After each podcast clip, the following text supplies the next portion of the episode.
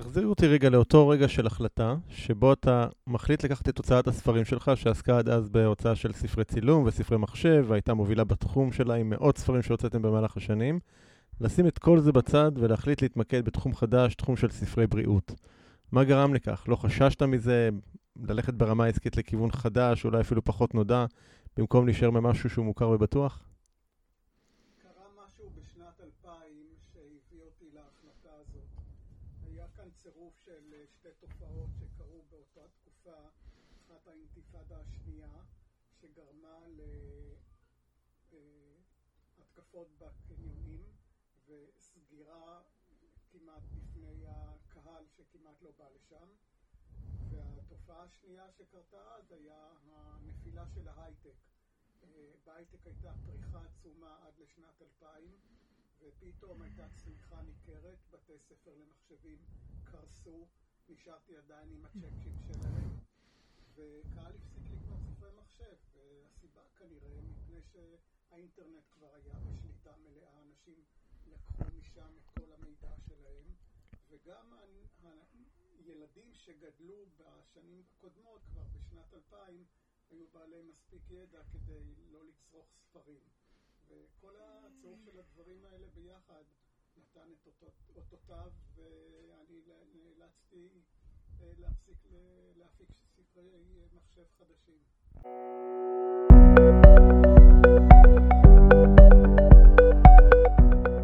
שלום וברוכים הבאים לפודקאסט כסף טוב. שיחות עם יזמים ועסקים המשנים את העולם.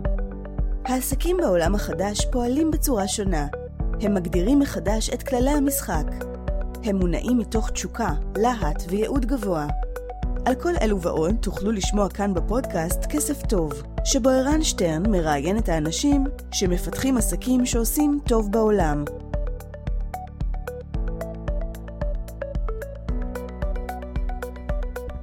דוקטור שאול טל, מייסד ומנכ"ל הוצאת הספרים פוקוס, שהחלה את דרכה כהוצאת ספרי צילום, בהמשך ספרי מחשב, ובשנות 2000 בעקבות מהפך בריאותי אישי הפכה להוצאת ספרי הבריאות הגדולה בישראל, עם למעלה מ-200 ספרי בריאות מובילים בתחומם שיצאו עד כל האור.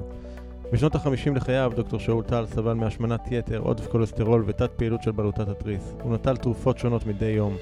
ולאחר שהשתתף במקרה בהרצאה על נטורופתיה, הוא נחשף לעובדות חדשות על רפואה ועל בריאות, הפך לתלמיד שקדן של התחום והחליט להפוך את הוצאת פוקוס להוצאה המתמקדת בספרי בריאות. מאז הוא הוריד משמעותית במשקלו, נפטר מכל התרופות שנאלץ לקחת לפני כן, והיום בגיל 76 הוא בריא מאי פעם, נמרץ וערני. הייעוד של הוצאת פוקוס, כפי שהוא מופיע בדף הראשון בכל אחד מהספרים שהוא הציע לאור, הוא להגיש לקוראים מידע עדכני, מקיף ומבוסס מדעית, על אורח חיים בריא ועל ריפוי טבעי. דוקטור שאול טל והוצאת פוקוס מוציאים לאור את מיטב ספרי הבריאות הטבעית, מתחזקים אתר, אתר מקיף ומעמיק, העשיר בתוכן בריאותי, ומפיקים הרצאות וסדנאות בהשתתפות מיטב הרופאים המטפלים, בעלי הגישות טבעיות לבריאות. אז אהלן, שאול, צהריים טובים. בוא, בוא נחזור ככה להתחלה. אה, תספר קצת על עצמך, באמת על הדרך שעשית ואיך הגעת בעצם לעולם של הספרים, ובמיוחד לעולם של ספרי בריאות דווקא.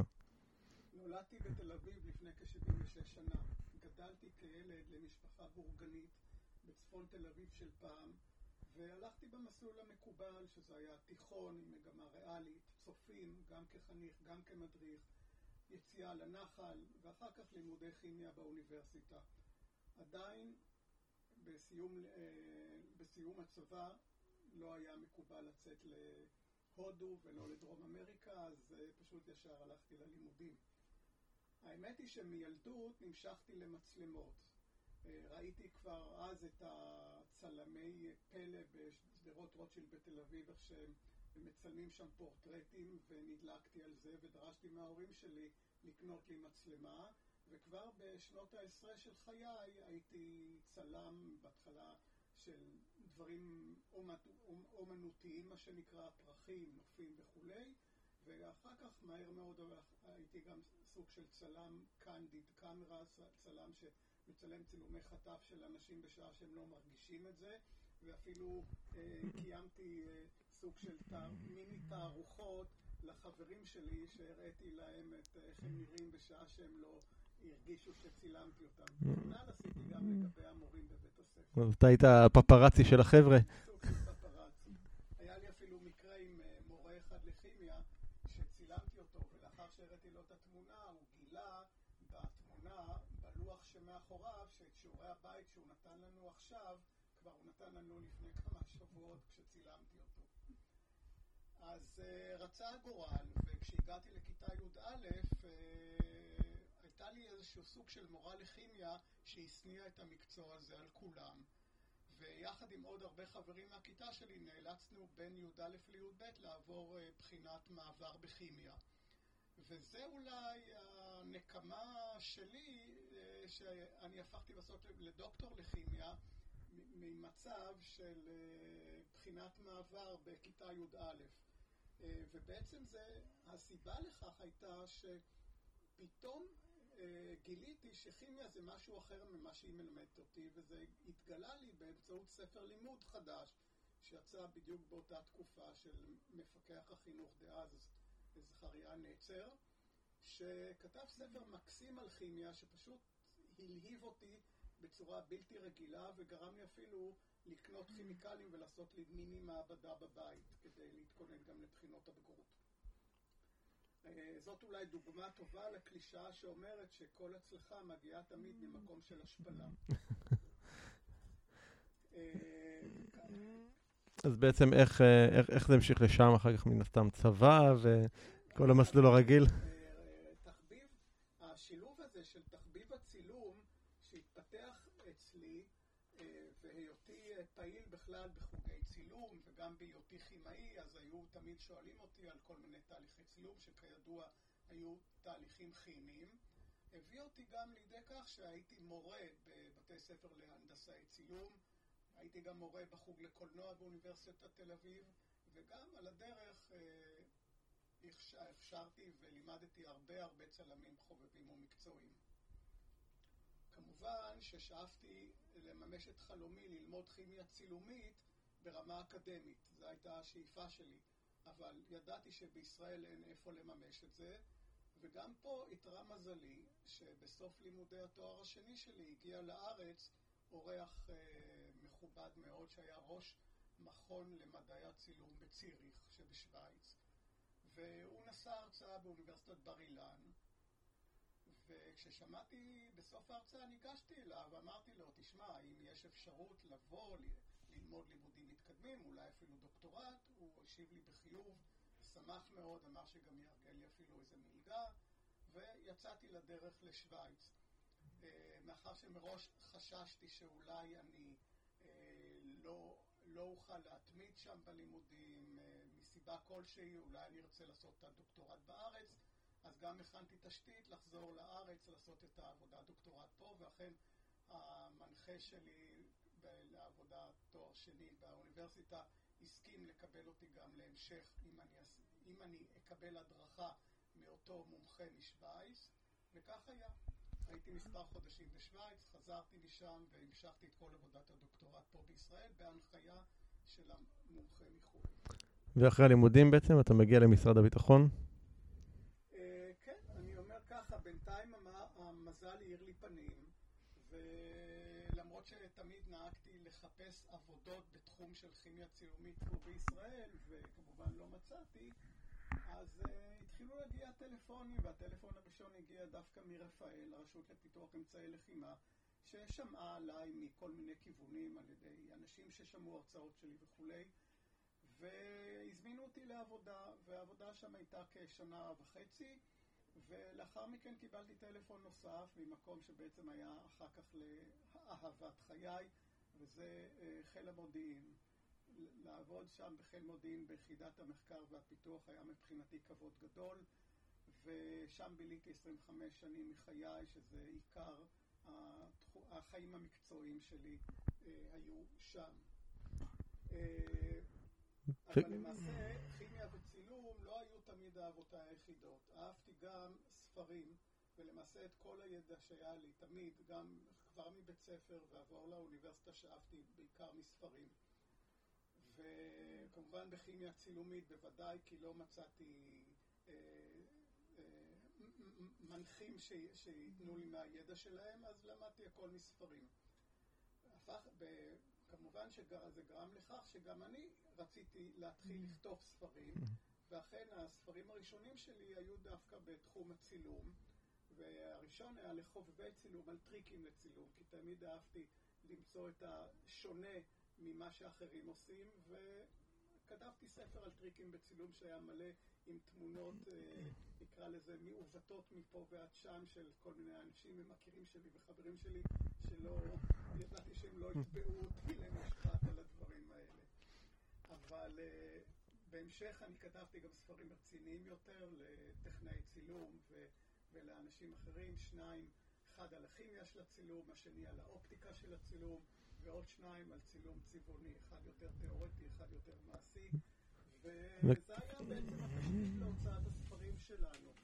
אה, ולמעשה המעבר לספרי מחשב היה גם כן איזשהו תהליך שמכיוון שאנחנו מדברים על אה, סוף שנות ה-80, סוף שנות ה-80, שהמחשב האישי התחיל לחדור לארץ, ואני כמובן קניתי אחד כדי לכתוב עליו את הספרים שאהבתי לכתוב. אה, אה, נחשפתי לעולם הזה, וכמו ילד קטן שהביאו לו איזשהו צעצוע חדש, מאוד התלהבתי מזה והתחלתי ללמוד על מחשבים, הלכתי לקורסים, והתוצאה הייתה שאמרתי לעצמי, יאללה, למה לא להתחיל להוציא ספרי מחשב? זה כבר היה לי בראש הנושא הזה, וזה היה בדיוק בעיתוי מושלם עם פרישתי מצה"ל. באותה תקופה העידן של הצילום הכימי הלך להיגמר, ועם זה גם נגמר הסוס שעליו אני רכבתי בכל העבודה שלי בצבא. ואז זה היה עיתוי מושלם, גם שם נגמר לי הסוס וגם גם uh, התחלתי לאהוב את המחשבים ויצאתי החוצה והרמתי את ההוצאת ספרים הקטנטנה הזאת של ספרי צילום שתעבור לספרי מחשב. ואכן בתקופה של ספרי המחשב הוצאנו כ-300 ספרים, שזה כמות מאוד גדולה במשך קרוב לעשר שנים. אה, והסיבה שכמות כזאת גדולה של ספרים זה מפני שיצאו המון גרסאות לכל תוכנה. אם נתחיל בווינדוס, אז היה גרסאות שונות, וורד גרסאות שונות, אקסל גרסאות שונות, לא לדבר על גרפיקה ועוד אה, אה, נושאים אחרים. בעצם, בעצם, קודם כל אני אמרתי לך את זה גם קודם, לפני שהתחלנו, שהספרים, אני גדלתי כנער, ואחר כך גם בשנות האוניברסיטה על הספרים, ספרי המחשב של פוקוס. אבל אני גם מזהה כאן איזשהו דפוס של לקחת בשני המקרים איזשהו תחביב שיש לך, והתחלת לפתח אותו לכיוון העסקי. כן, אני אהבתי תמיד לעשות את מה שאני אוהב, ולשמחתי יצא לי לעשות תמיד את הדברים, רק מה שאני אוהב. ואכן, זה מה שקרה אה, עם הנושא הזה של צילום, קרה במחשבים, ואחר כך גם עבר לתחום של בריאות. אז איך הגענו בעצם לתחום של בריאות? בשנת 2000, כמו שציינתי, אה, היה איזשהו משבר שגרם לי להפסיק להוציא ספרי מחשב. ולא לא חשבתי יותר מדי למה לעבור, להעביר את התחום, את, את הוצאת פוקוס לעשייה. היה מובן לי שתחום הבריאות הוא התחום המתאים לי ביותר, מפני שגם כאן חל איזשהו, חל התפנית. בצורת החשיבה שלי על כל העולם הזה של רפואה ובריאות. אה, אחרי שפרשתי מהצבא, אה, חזרתי להיות יותר אדון לעצמי. זמני היה יותר פנוי, ונרשמתי למועדון הספורט של כפר מכבייה, שזה על יד אזור מגוריי, ושם הייתה באופן קבוע מתנהלת איזו הרצאה חודשית בנטורופתיה. אחרי הרצאה אחת או שתיים התחלתי מאוד להתחבר לנושא הזה, ואז תהיתי עם כל העולם הזה של רפואה שאני כל כך אה, האמנתי בו, והרופא שהיה מסוג של אלוהים בשבילי, והתרופות שהוא נתן לי, אם זאת באמת הדרך. אה, ברגע שהעמקתי יותר בנטורופתיה ושמעתי עוד שיחות וגם ספרים אה, שהתחלתי לקרוא, הבנתי שיש דרך אחרת מקבילה לגמרי, שאני קורא לזה הדרך של אורח חיים בריא, ש...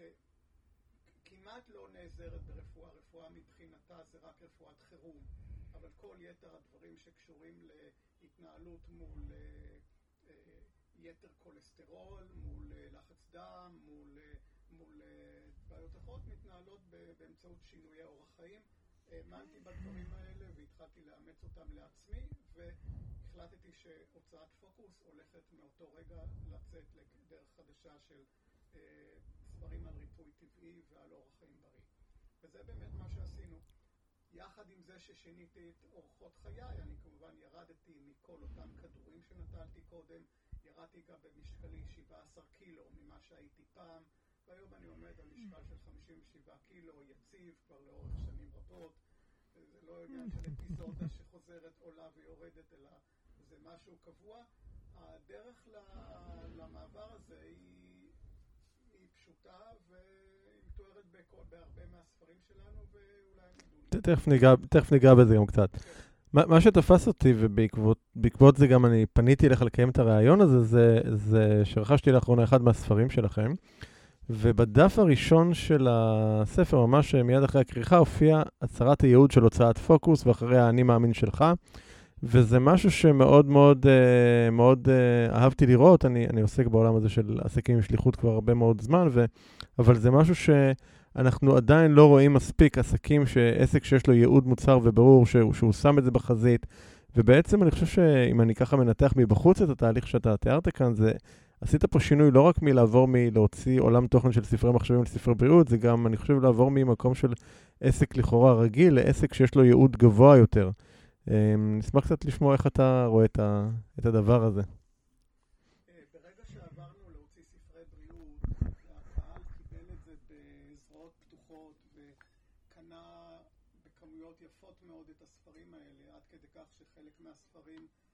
הפכו מבחינתי לרבי מכר ומכרו הרבה מעל עשרת אלפים עותקים, שזה הרבה מאוד לספרי בריאות.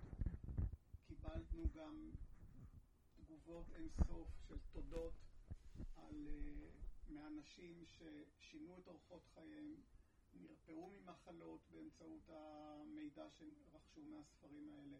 זה עשה לנו טוב, והתחלנו להוציא עוד ועוד, עד כדי כך שהיום יש לנו למעלה מ-200 ספרי בריאות. אה, ואני מרגיש שאני עושה טובה לאנשים, זאת סוג של שליחות, שאני לא רק עושה אותה למען עצמי כי אני נהנה מזה, אלא גם כי הדברים עושים לי טוב, שאני רואה איך שזה תורם לאנשים אחרים. אה, הספרים האלה הם מיועדים בעצם למגוון רחב מאוד של אנשים. זה החל מ...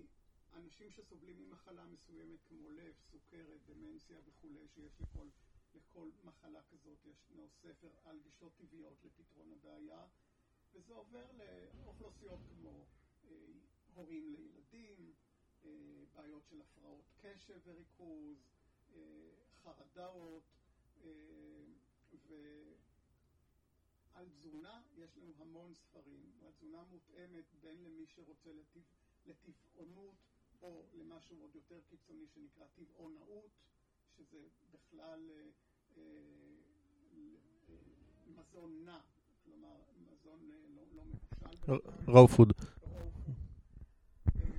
עובר לצמחונות, עובר לפלאו, כן, יש לנו גם ספרי פלאו, למרות שאני אישית אה, איש של טבעונות, בעיקר טבעונות, אני מודה שאני חוטא מדי פעם בדברים שהם לא טבעונים טהוריים, אבל ב-99% מהארוחות שלי הן טבעוניות לגמרי.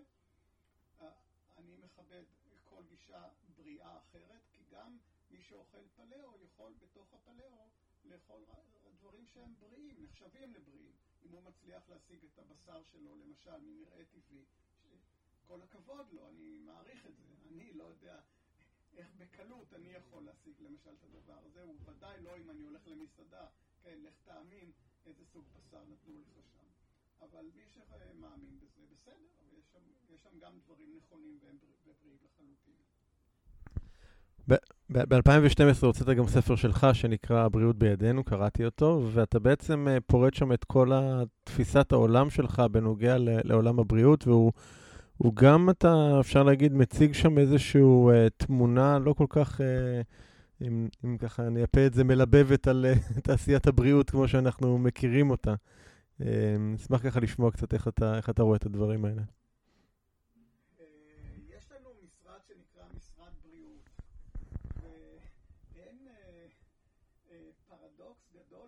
שדווקא המשרד שנקרא בריאות לא בבריאות בכלל, אלא רק ברפואה.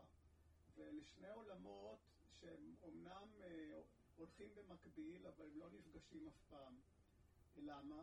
מכיוון שהרפואה, הבריאות, מדברת על ה-well-being של הבן אדם, על, על היותו אה, בריא, גם לפי הגדרות של ארגון הבריאות העולמי, זה מצב הרווחה של האדם אה, שהוא אה, חופשי לעשות את כל מה שהוא רוצה, אין, אין עליו שום מגבלות.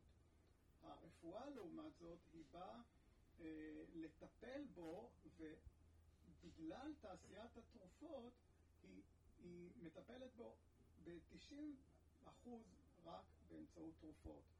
ולתרופות האלה, ולא יעזור שום דבר, יש הרבה תופעות לוואי. ותופעות הלוואי הן לא קלות, והרופאים גם לא יודעים איך למנוע אותם, כשבעצם קיים אמצעי אה, טוב מאוד למנוע אותם על ידי תוספי תזונה, אבל מכיוון שתוספי תזונה זה דבר שהוא טאבו לרופאים, הם א' לא למדו את זה, והם ב' הם מתעלמים מזה, מכיוון שכל הידע שלהם זה ידע שסיפקה להם תעשיית התרופות, שאין לה שום אינטרס לבוא ולהגיד שאם מישהו, למשל, שלוקח סטטינים, והתרופות נגד סטטינים הורסות לו את ייצור הקואנזים Q10 בגוף, אז תיקח כדור Q10, את זה הם לא יגידו לו. אז uh, יוצא, ודוגמאות כאלה יש למכביר. יש לנו ספר שלם שנקרא האמת על התרופות, שמתאר את כל תוספי התזונה הדרושים למי שנוטל תרופות. אבל מה לעשות, אה, חברות התרופות לא גוזרות מזה קופון, ולכן הרופאים לא הוכשרו לדעת אותם, ויוצא שאנחנו חיים בעצם בעולם שהוא רק על פי האינטרסים של חברות התרופות. עכשיו, לחברות התרופות יש בן דוד אחד שנסמך על שולחנם, וזאת תעשיית המזון. תעשיית המזון, אה, גם היא מפעילה לוביסטים כבדים כדי לקדם את המזונות המזיקים שלהם בכל פורום אפשרי. משרד הבריאות נכנע להם, ואנחנו ראינו אפילו בימים אלה איך שהוא נכנע לתכתיבים על אופן הפרסום של המזון המזיק לילדים. נכנע לגמרי, באופן מביש. אה, וזה רק דוגמה קטנה לכך שמשרד הבריאות הוא לא המשרד שמגן עלינו, אלא למרות שהוא נקרא משרד בריאות, שהיה צריך בעצם להיקרא משרד רפואה. אתה, אתה מציג בעצם בספר גם אה, קונספט חדש, אתה קורא לזה, החזון שלך שנקרא קופת בריאים, שזה בעצם אולי התשובה לבעייתיות שתיארת עד עכשיו.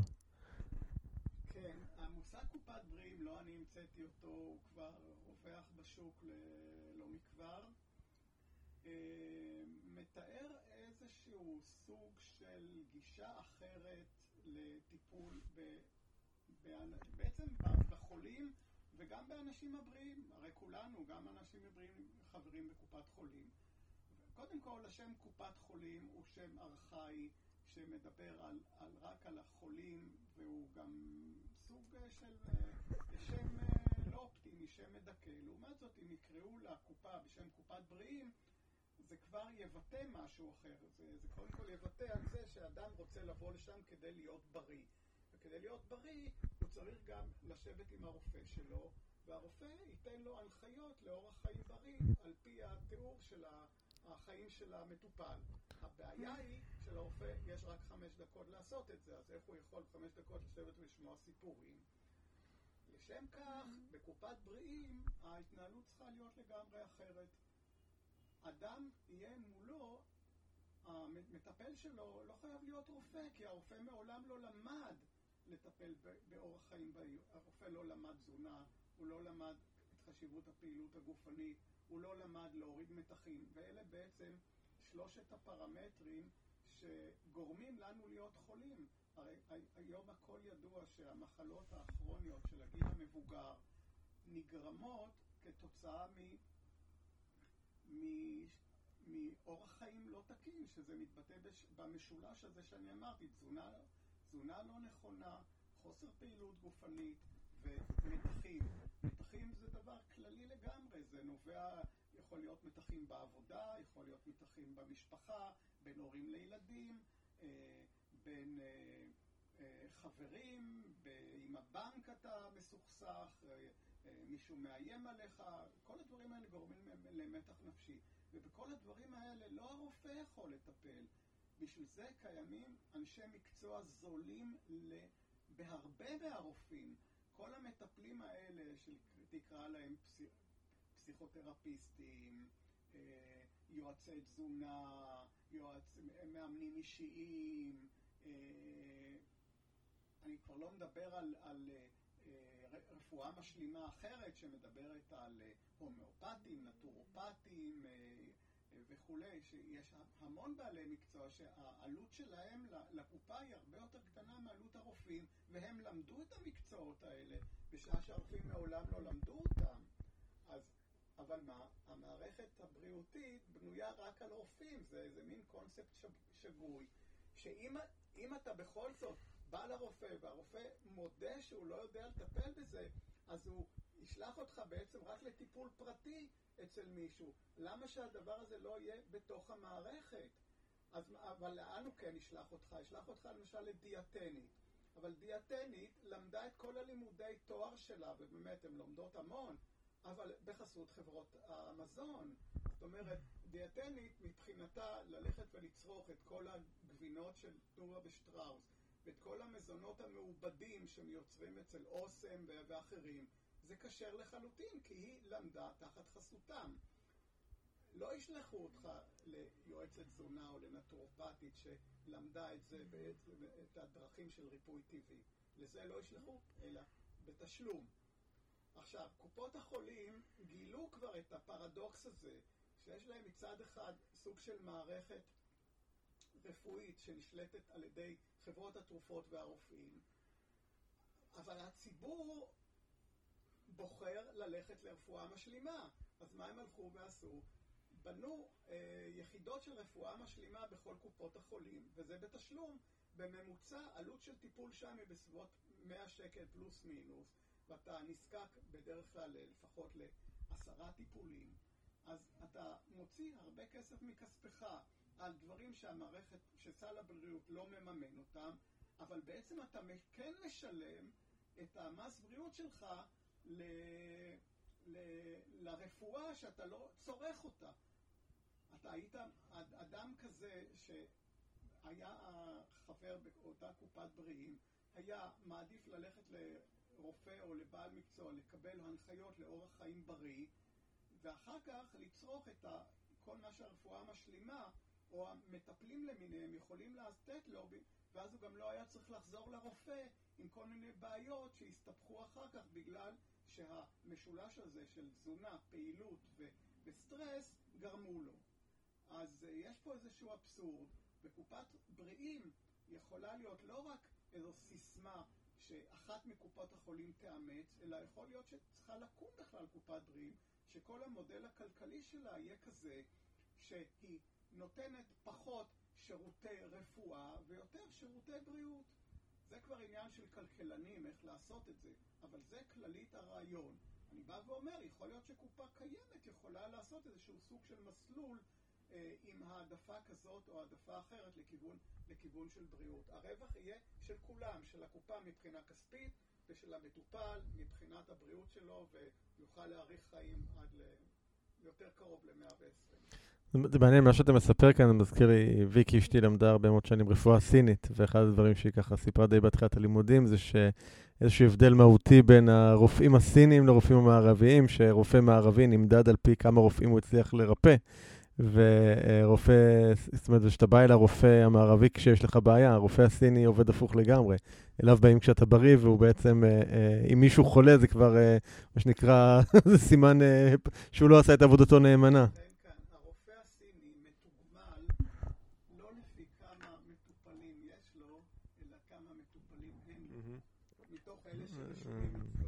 כן. אוקיי, אני רוצה לשאול אותך ככה רגע משהו אישי יותר. אתה חגגת לאחרונה 76 שנים, אוקיי? זה גיל שכבר הרבה אנשים היו מתארים את עצמם אה, כבר פורשים וכבר בפנסיה, ואנחנו פה יושבים פה במשרד שלך, אה, מלא מלא ספרים שהוצאתם מאחוריך, אני רואה גם, אני מניח ככה גם עוד הרבה ספרים שאתה עוד רואה בחזונך עוד קדימה. מה, בגלל זה לא, לא חשבת לפרוש? אין לי מה לפרוש, כי אני צריך לקום בבוקר לעשות משהו. מה החיים שלי למדתי רק לעבוד, וזה מה שאני יודע לעשות. אני לא מסוגל לקום ולבהות בתקרה ולהחליט מה אני הולך לעשות עם עצמי במשך היום. זה לא אני. אז כל עוד אני יכול להמשיך לעבוד, אז אני קודם כל מודה לספרים שלי שעזרו לי לשמור על הבריאות שלי, כי עצם הקריאה של הספרים כבר תורמת לבריאות שלי. ויחד עם זה, אני יכול לעזור לאחרים, ומעודד אותי מאוד לשמוע תגובות של אנשים שקראו בספרים, ריפו את עצמם, מבקשים ממני עוד עותק, עוד עותק, אני רוצה לתת גם לאישה, לאימא, לחברים, לכל זה. אז זה שמחזיק אותי וגורם לי להמשיך לעבוד הלאה, ואני מקווה שאני אוכל לעשות את זה לעוד הרבה שנים. לפחות על עצמי אני מיישם את הדברים ואני נהנה מכל רגע. אחד הדברים שהרי תמיד אנשים אומרים שלעשות פעילות גופנית זה דבר שעושים ככורח, כדבר שלא בא לך אבל אתה יודע שצריך. אז אני יכול לפחות לספר על עצמי וכל אחד ישליך את זה לגבי עצמו.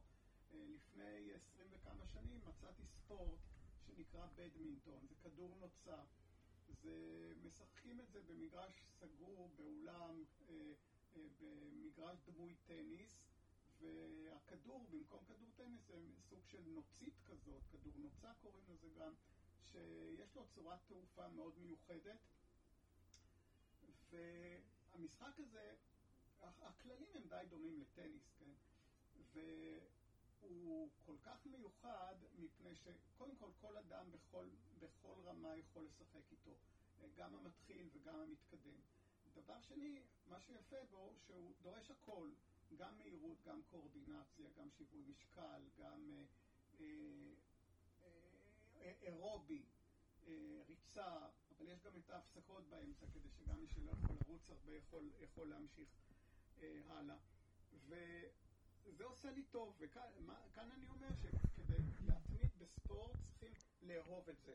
אז אם אחד אוהב קט רגל, ואחד אוהב אה, כדורעף, כדור, כדורסל, או ריצה, או כל מה שלא יהיה, לעשות את מה שאוהבים, כי אחרת, אם מסתכלים על השעון בזמן פעילות ספורט, זה הרגע ש...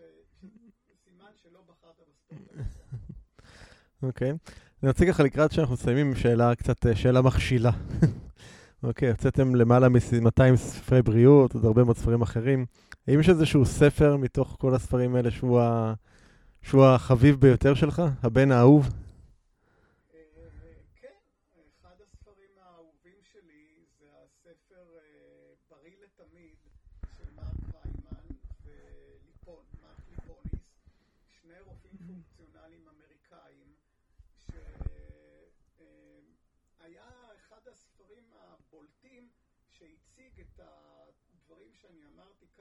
שהרפואה הקונבנציונלית יודעת רק לשים פלסטר על המחלה או על הסימפטום שסובלים ממנו, אבל לא לרפא את זה.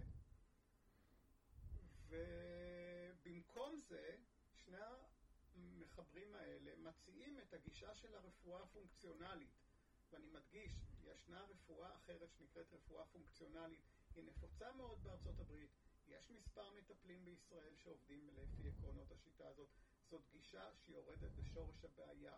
נכון שהיא יקרה בגלל הבעייתיות שהבדיקות המעבדה שעושות אותן, הן לא, רובן לא מתקיימות בארץ, אלא צריכים לשלוח דגימות לחו"ל.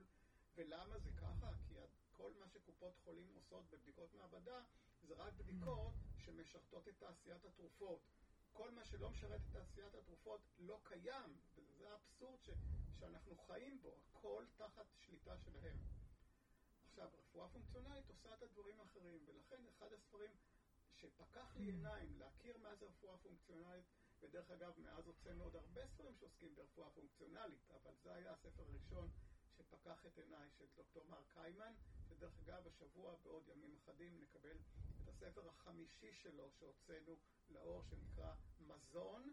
מה עוד נשאר לנו לאכול? אחרי שכולם קטלו את כל סוגי המזון כאיזשהו תועבה, אז הוא בא ועושה סדר בדברים ואומר, חבר'ה, עוד המון מה לאכול, רק בואו תקראו את מה שאני כותב לכם, והוא מביא הכל, לכל דבר אסמכתאות מדעיות, מה מותר ומה אסור. כל אחד יכול לקחת משם את כל מה שהוא אה, טעים לו. אוקיי. אז מי שרוצה ככה להיכנס לעולם שלכם, לעולם הספרים שלכם, להיחשף לכל מה שאתם אה, ככה מקדמים ומציעים, איפה, מאיפה כדאי לו להתחיל, איפה הוא מוצא אתכם? טוב, אז אה, קודם כל, קל מאוד למצוא אותנו באתר האינטרנט שלנו, שמציג את כל הספרים שלנו עם פירוט מלא, מה יש בכל ספר, כולל פרק לדוגמה, והקדמות, ותוכן עניינים. כל הדברים האלה נמצאים באתר האינטרנט של הוצאת פוקוס. חוץ מזה, רוב הספרים נמצאים בחנויות, כמובן לא כולם, ולא, כולה, ולא בכל החנויות, מסיבה נורא פשוטה. בחנות ספרים ממוצעת יש 6,000 ספרים. בישראל יוצאים בערך גם 6,000 ספרים. כל שנה. יוצא שהחנות צריכה שתהיה לה תחלופה. בשביל תחלופה היא צריכה להוציא ספרים החוצה, ואין ברירה. אבל אצלנו ספרים לא יוצאים אף פעם. למה? כי תמיד מישהו יכתוב אותם בגוגל, הוא יגיע לאתר שלנו ויוכל לקנות אותו דרך האתר.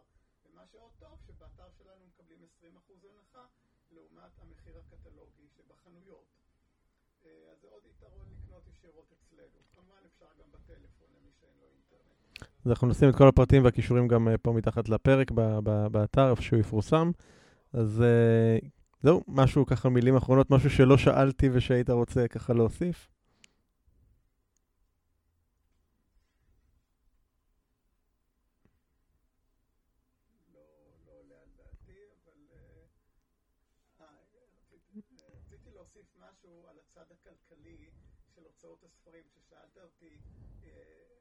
איך אני רואה את ההמשך, אם אני כן. להמשיך, אז uh, אכן, מבחינה בריאותית אני מקווה לעוד הרבה שנים.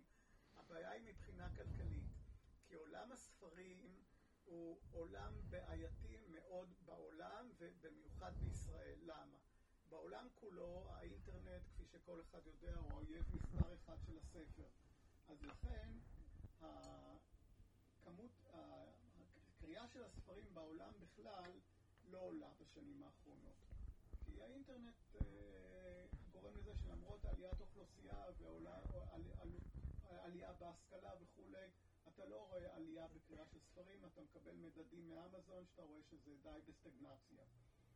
עכשיו, בישראל קורה דבר הפוך. יש אפילו ירידה, ולא רק שיש ירידה, אלא מי שלקח בעלות בשנים האחרונות, מאז חוק הספרים האומלל בשנת 2014, על כל ה... המערך הכלכלי של ענף הספרים זה חנויות הספרים. ברגע שנוצרו פה בארץ הדואופול הזה של סטימצקי וצומת ספרים, הם קובעים לנו, אה, למו"לים וגם לכותבי הספרים, כמה הם יקבלו. כלומר, הפירורים הולכים למו"ל ולמחבר, והם נוגסים את רוב הרווח מהספר. עכשיו, נכון שזה קל להאשים אותם, אבל למעשה הם נתונים תחת חוקי הכלכלה של שוק חופשי, שבעצם מאפשרים לבעלי הקניונים לרמוס אותם, וכפי שאתה יודע, עיקר מכירות הספרים הם בקניונים.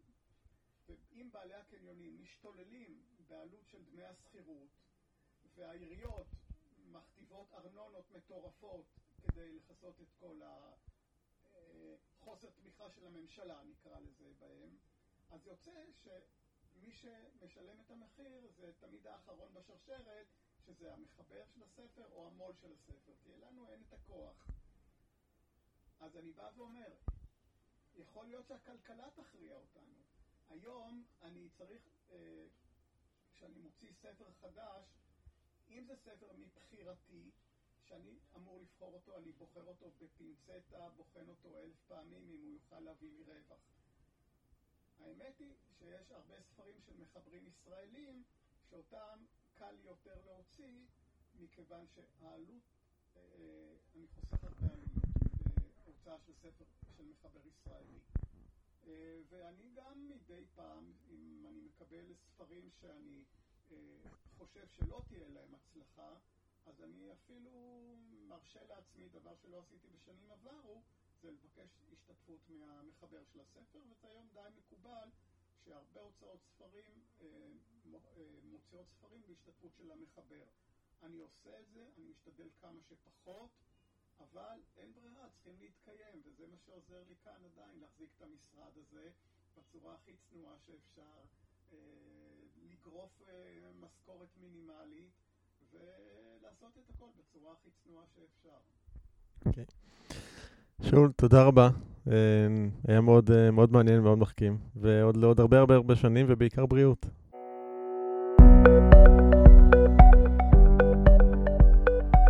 זהו, עד כאן לפרק של היום.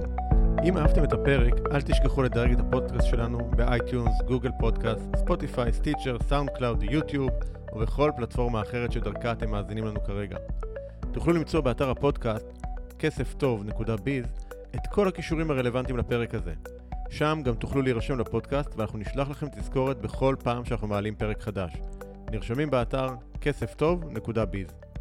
אני מזמין אתכם לכתוב לי תגובות, מה אהבתם, את מי תרצו לשמוע בפרקים הבאים, או כל הרעה אחרת שיש לכם.